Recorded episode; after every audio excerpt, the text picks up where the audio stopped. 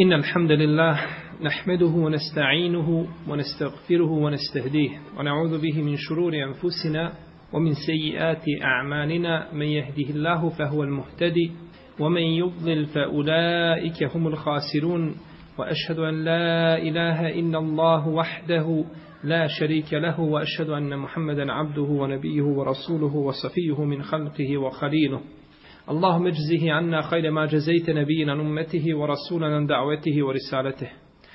وصل اللهم وزد وبارك عليه وعلى آله وأصحابه وأتباعه وعلى كل من اهتدى بهديه واستنى بسنته واقتفى أثره إلى يوم الدين. أما بعد فإن أصدق الكلام كلام الله تعالى وخير الهدي هدي محمد صلى الله عليه وسلم وشر الأمور محدثاتها وكل محدثة بدعة وكل بدعة ضلالة.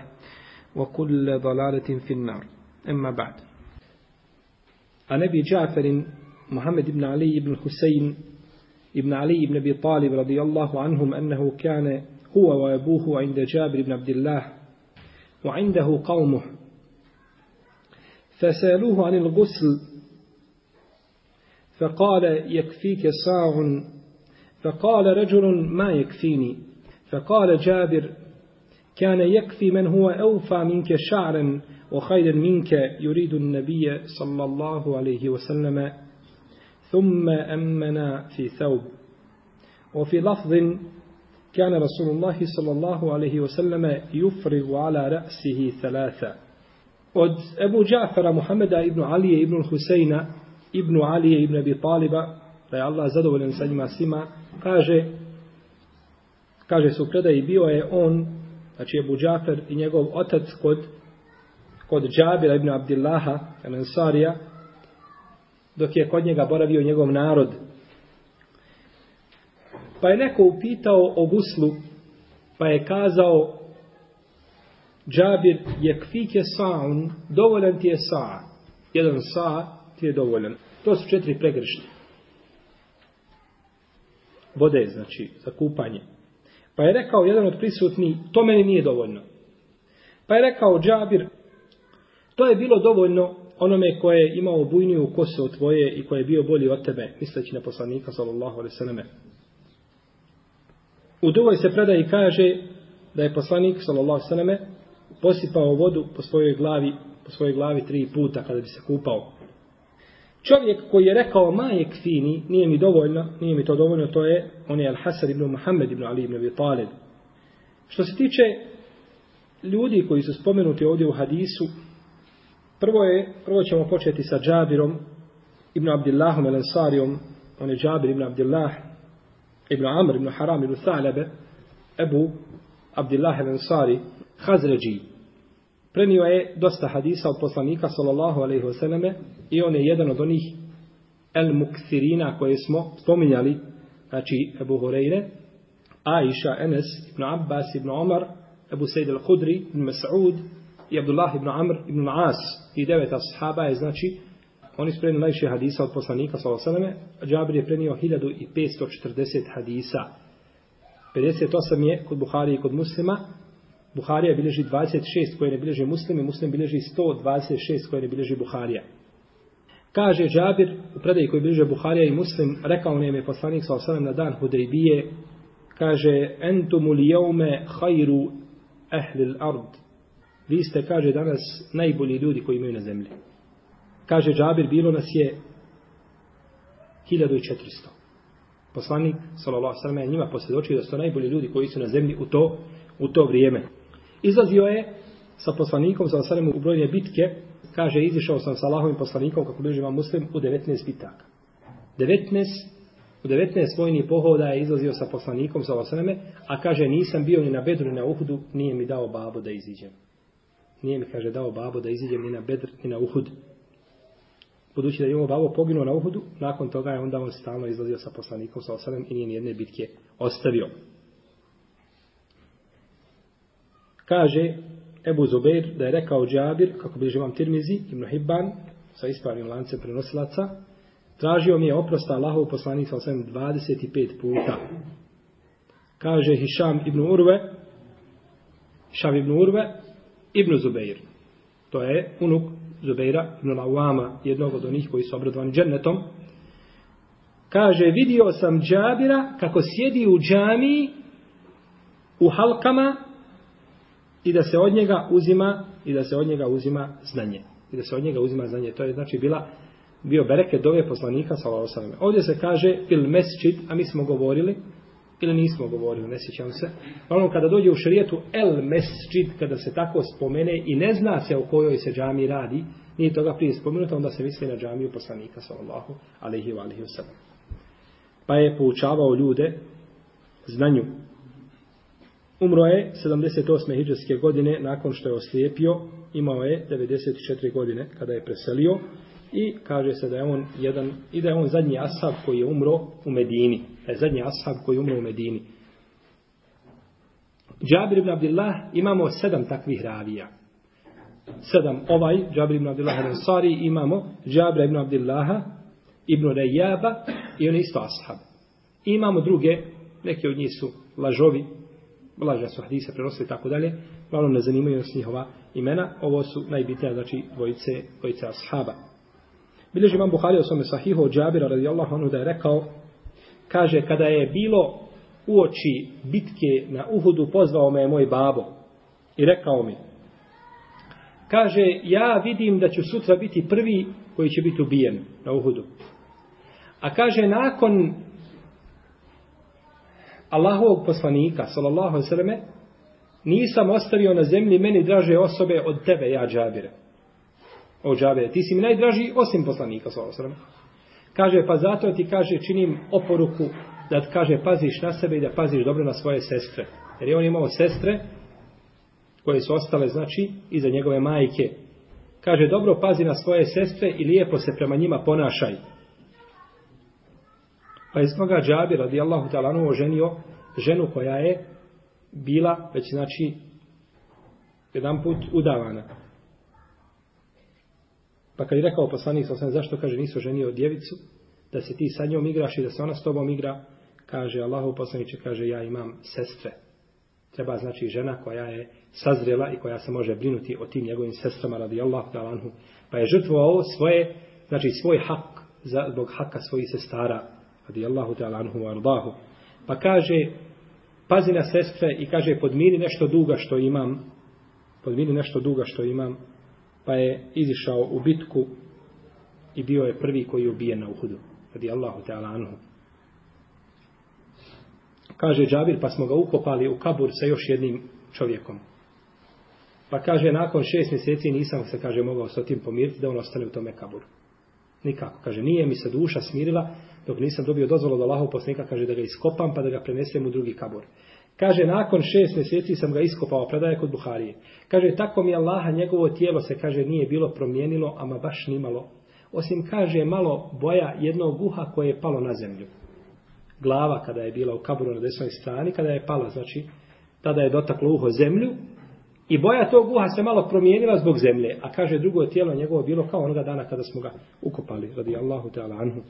Što se tiče Ebu Džafara, Muhammed ibn Ali, on je unuk Ali radijallahu ta'ala anhu, Kurešija, Hašimija, zove se El Baqir. Vi ste se čuli za El Baqira. Rođen je 56. hiđarske godine, a umro 124. Kaže se da je klanjao u jednoj noći po 150 rekiata. U noći i danu, prostite. Njegov otac Ali, ovo je u stvari pravunuk Alije njegov otac Ali ibn Husein, on je, Alija je, on je unuk Alije radijallahu anhu. Zvao se Zainul Abidin, ukras pobožnih ili bogobojaznih, zato što je puno provodio u ibadetu. Puno, puno provodio u ibadetu i prenosi dosta hadisa od poslanika, sallallahu sa ispravnim lancima prenosilaca, odnosno sa najjačim lancima ili zlatnim karikama prenosilaca. Kaže Jahja ibn Sa'id al-Qattan, kaže to je bio najbolji Hašimija koga sam ja dočekao i koga sam, koga sam vidio. Kaže Ibn Bišejbe, najispravniji lanci prenosilaca jesu Zuhri od Alije, od Huseina, od Alije, od poslanika. Zuhri prenosi od Alije. Alija je unuk Alije radi Allahanu. Od Huseina, sina Alino, od Alije. Od poslanika. Kaže, to su najispravniji lanci prenosilaca ili zlatni, ili zlatne karike, kako ne zivaju islamski učenjaci. Kaže Ibn Musejib, nisam nikada vidio čovjeka bogobojaznijeg, bogobojaznijeg od njega. Što se tiče njegovog djeda, djeda Ebu Džafara, kako mu je ime? Ko je djed Ebu Džafara ovdje? Ebu Džafar, Muhammed ibn Ali, ibn Husein ibn Ali. Njegov djed je Husein ibn Ali. Znači unuk poslanika, sallallahu alaihi wasallam, koji prenosi, mislim na Huseina, prenosi osam hadisa od poslanika, sallallahu alaihi zato što je on rođen u Šabanu četvrte hiđarske godine. Relativno kasno je rođen, pa je s toga malo, malo hadisa prenio. Ubijen je na dana Šure, neki kažu da je to bila subota, neki kažu petak, na Kerbeli u Iraku, današnjem. 61. hiđarske godine ubijen. I ta godina je prozvana kao godina, godina žalosti.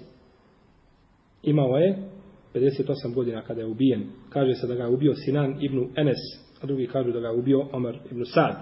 Njegovu glavu je prenio Bišr ibn Malik el-Kindi. Razlog glavu njegovu je prenio, kaže se, da je u Bekiju prenesena. To je najispravnije mišljenje, Allah najbolje zna. Iako se ne zna pouzdano. Razlog ubista Huseina je bio to što je izišao na dan Tervije, 8. Zulhidžeta je izišao u Kufu.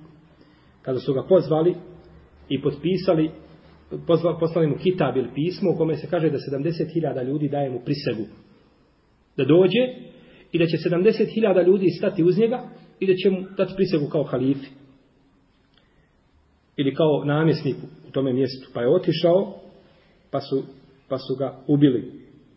I njegovu smrt je nagovijestio ubistvom Allahov poslanik sa osanem u hadisu koga bliže Imam Ahmed u svome muselu u šestom tomu. Nagovijestio je smrt Huseina ubistvom, da će biti, da će biti ubijen. Ubijeno je sa njim još oko 82 čovjeka koji su ošli sa njim.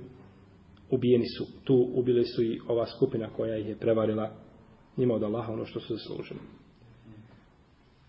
Razilaze znači gdje je ukopana njegova glava, oko tijela se ne zna, oko glave se vodi spor. Ovo neki kažu da je u Damasku, neki kažu da je u Baqi, ispravnije mišljenje da je u Baqi, wallahu ta'ala ala. Odlike Hasana i Huseina su brojne. Ovdje spominje, znači Husein, predaj koji bližava Mahmed sa ispravnim lance preoslata od Ebu Horeire, navodi se da je poslanik sa osanima rekao Mene habbehuma faqad habbeni, omen ebgadahuma faqad ebgadani. Ko zavoli, ko bude volio Hasana i Huseina, taj voli mene. Ako mrzi njih dvojicu, taj mrzi mene.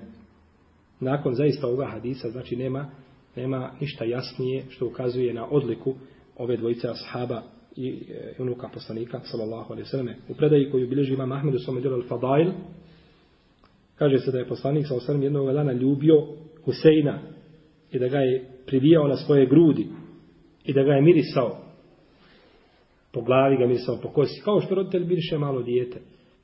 Pa je to vidio jedan čovjek, Ensarija, kaže, Allahu poslaniče, imam, kaže, sina već je dostigao punoljestvo. Kaže, vallahi ga nikada nisam poljubio. Kaže, vallahi ga nikada nisam poljubio. U drugoj se verziji navodi da je to bilo sa Hasanom. Poznate vam, pa vama hadis da, u kome se kaže, šta ja mogu, ako ti Allah hranio, rahmeti stoji prsa i sliš o tome.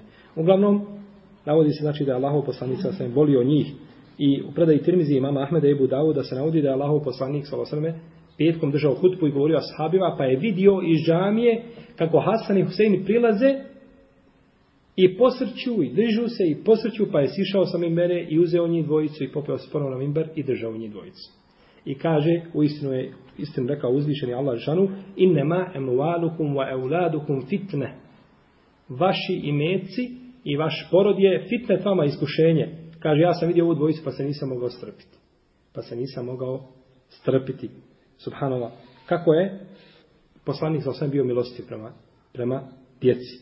Što mislite kada bi danas hođa sa Mimbere sišao i uzeo dvoje djece male i popio se na Mimber sa njima? Odmah bi se džematski odbor sastao i crveni hođi, je tako? Ili hođa traži drugo radno mjesto. Allahov poslanik sa osam nije u tome vidio smetnje, da siđe i da uzme djecu i da se popreme Mimber i da tu djecu drži da drži dalje hudbu. Sallallahu ala rasulillah. Njegova majka, Huseinova, Fatima, Zahra, čerka poslanika, sallallahu alaihi wasallam, je poznata, znači, navodi se u hadisima da je poslanik sallallahu alaihi rekao gospodar moj, ja volim ovu dvojicu, pa voli ih i ti, za Hasana i Huseina. I govorio je, Husein je od mene i ja sam od Huseina. Kaže, neka Allah zavoli ko onaj voli, onoga ko voli Huseina. I bilježi vam tirmizi sa dobrim lancem. I navodi se da Allah poslanik rekao, njih su dvojica prvaci džennetskih mladića. O je buhuma hajrun minhuma, a njihov otac je bolji od njih. Oni jesu prvaci, no međutim Alija je bolji, radi Allahu ta'ala, bolji od njih dvojice. I navodi se u redoslovnoj predaji da je Fatima sejdetu nisai ehlel dženne, da je ona prvakinja stanovnica dženneta od žena. One koje će, znači, biti prvakinje u džennetu od žena. A što se tiče njegovog djeda, onoga prvog djeda, gornjeg djeda ili pradjeda, kako mi kažemo, Alija radijallahu ta'ala anhu, o njemu, smo, o njemu smo govorili u pogledu Mezija, kada smo govorili, spominjali smo, znači, njega i njegovu biografiju.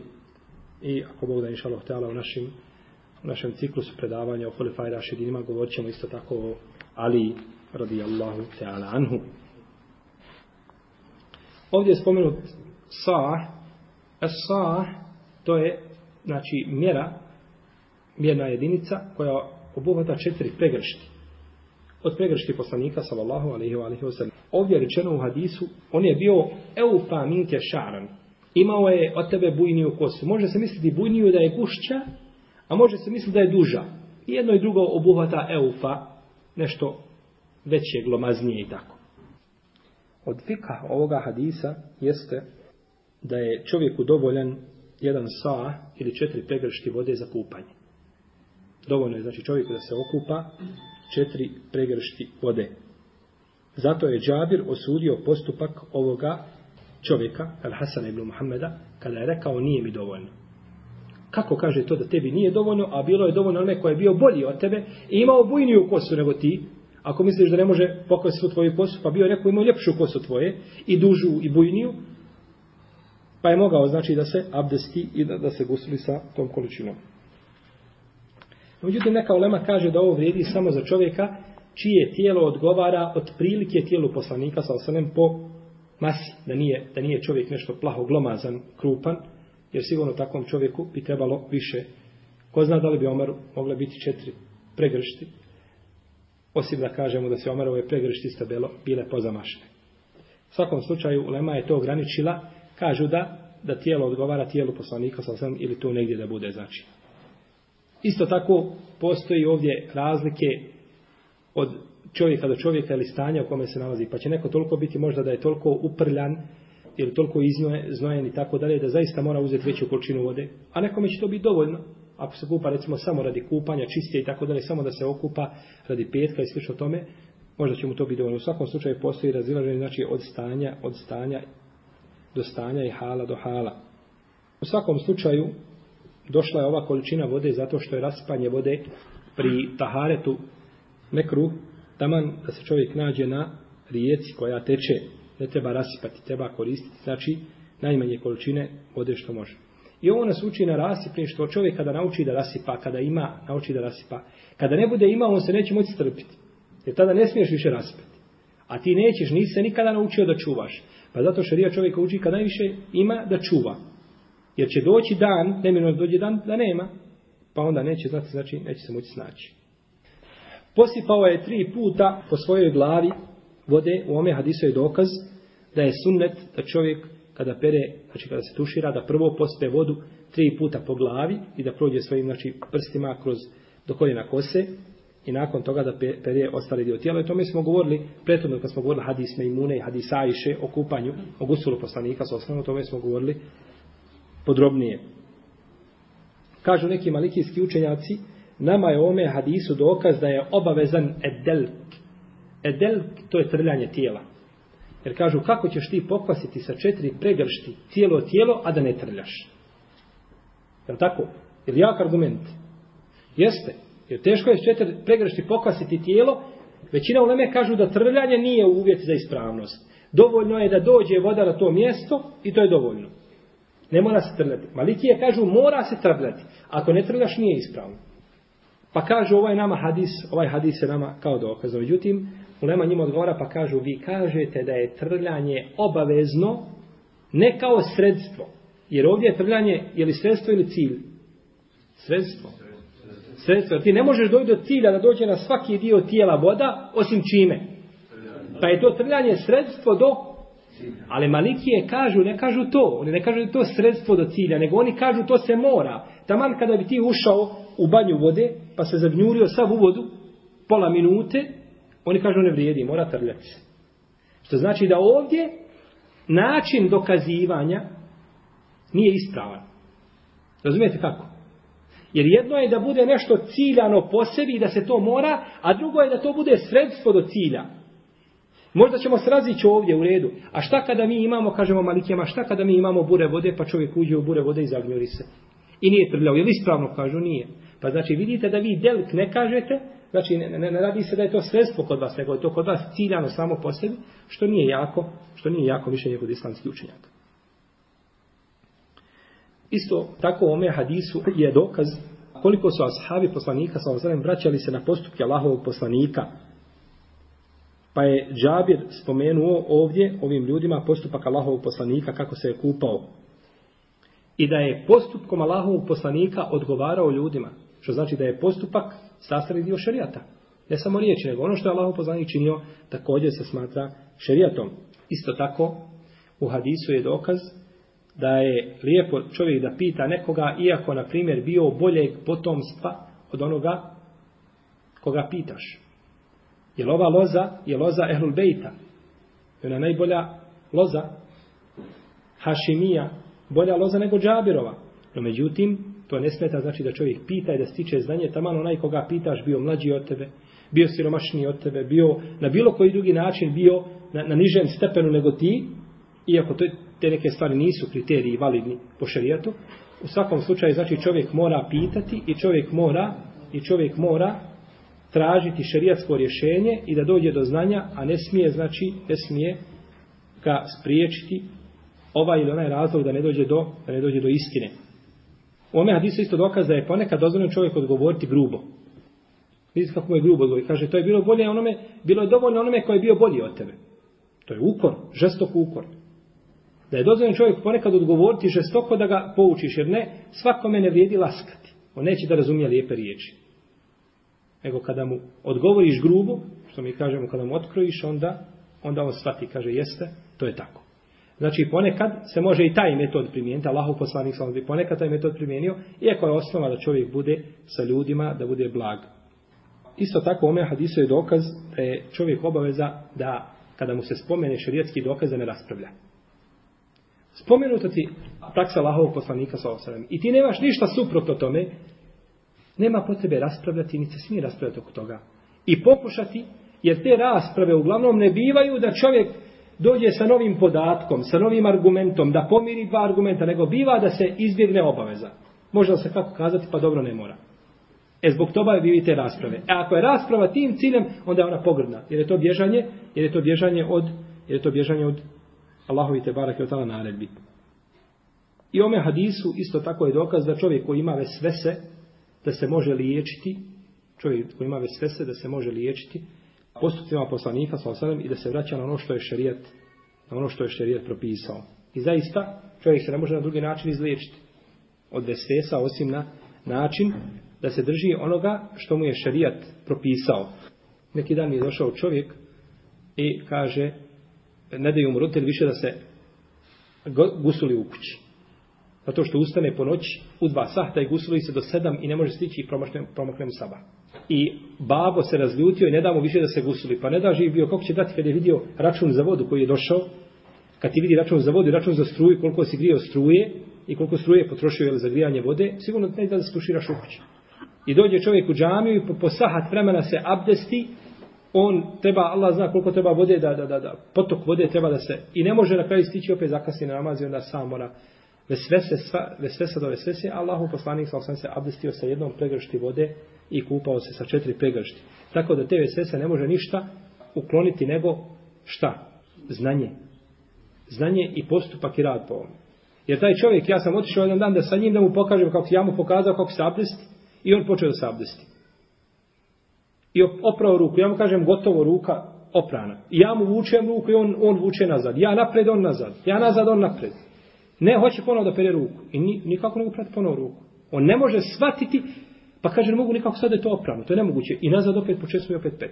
I opet trlja do koža sve na crveni od trljanja. Da Allah, dragi, sačuva besvesa i šubuhata. To je znači način da se toga čovjek riješi jeste znanje.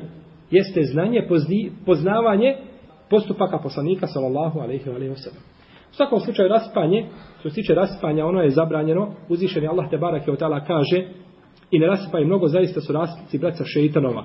U drugom ajetu kaže, on ne voli one koji pretjeruju, ne voli one koji pretjeruju u bilo čemu. U bilo čemu da čovjek pretjeruje, uzvišeni Allah te barake od to ne voli. Od Enesa ibn Malika se prenosi da je poslanik sa osrem kupao se za 4 do 5 mudova, to je znači jedan sa ili malo da se doda, a uzmemo bi abdest sa jednim mudom. U jednoj predaji stoji da je poslanik sa osrem abdestio tako da nimalo vode nije palo na zemlju. Ni kap vode nije pala na zemlju. Možete misliti takav abdest. Bileži Ebu Dawud u predaju kaže imame Zerkeši i šeh Albani da je ona vjerodostojna abdestiš se i ni kap vode ne ode, ne ode na zemlju. Ponekad bi se poslanik, sallallahu abdestio sa dvije trećine muda. Sa dvije trećine pregršti. Znači, nije ni puna pregršt, dvije trećine, s tim bi se abdestio. Sallallahu alejhi ve alejhi wa sallam. Ebu Tajib Abadi kaže, ovo je najmanje što je preneseno od poslanika, sallallahu alejhi ve o količini upotrebljene vode za abdest. Znači, dvije trećine muda. I Enes ibn Malik je govorio zaista je za abdest dovoljan jedan mud. Jedan je čovjek upitao Ibn Abbas, koliko mi treba vode za abdest, pa mu je rekao jedan mud. Kaže, koliko mi treba za kupanje, kaže, trebaju ti četiri muda, četiri pregršti. Kaže, meni to nije dovoljno. Meni to nije dovoljno. Ovo predaj bilježima Ahmed i Tabarani i Bezari, ona je vjerodostojna od, od Ibn Abbas, isto kao ova prethodna od Džabira. Pa kaže mu, pa kaže mu Ibn Abbas, majke ne imao, majke ne imao majku izgubio. To je ukor u arapskom jeziku kojim se ne želi spoljašnje, spoljašnje značenje ovih riječi. Ne želi se da ti majka umre i slično tome, ne. Ali majke ne imao, to je žestok ukor, kaže, to je bilo dovoljno onome koje je bio bolji od tebe, poslaniku, sallallahu alaihi wa alaihi wa sallam. Abdullah ibn Mugaffel kaže da je Allahu poslanik, sallallahu alaihi wa sallam, rekao, u mom umetu bit će narod koji će preterivati u čišćenju i dobiti u čišćenju i dovi. Vesvesa imati znači u čišćenju i u dovi. Mislim da smo ome hadisu već nekoliko puta govorili, tako nema potrebe da govorimo ponovo njegovo značenje.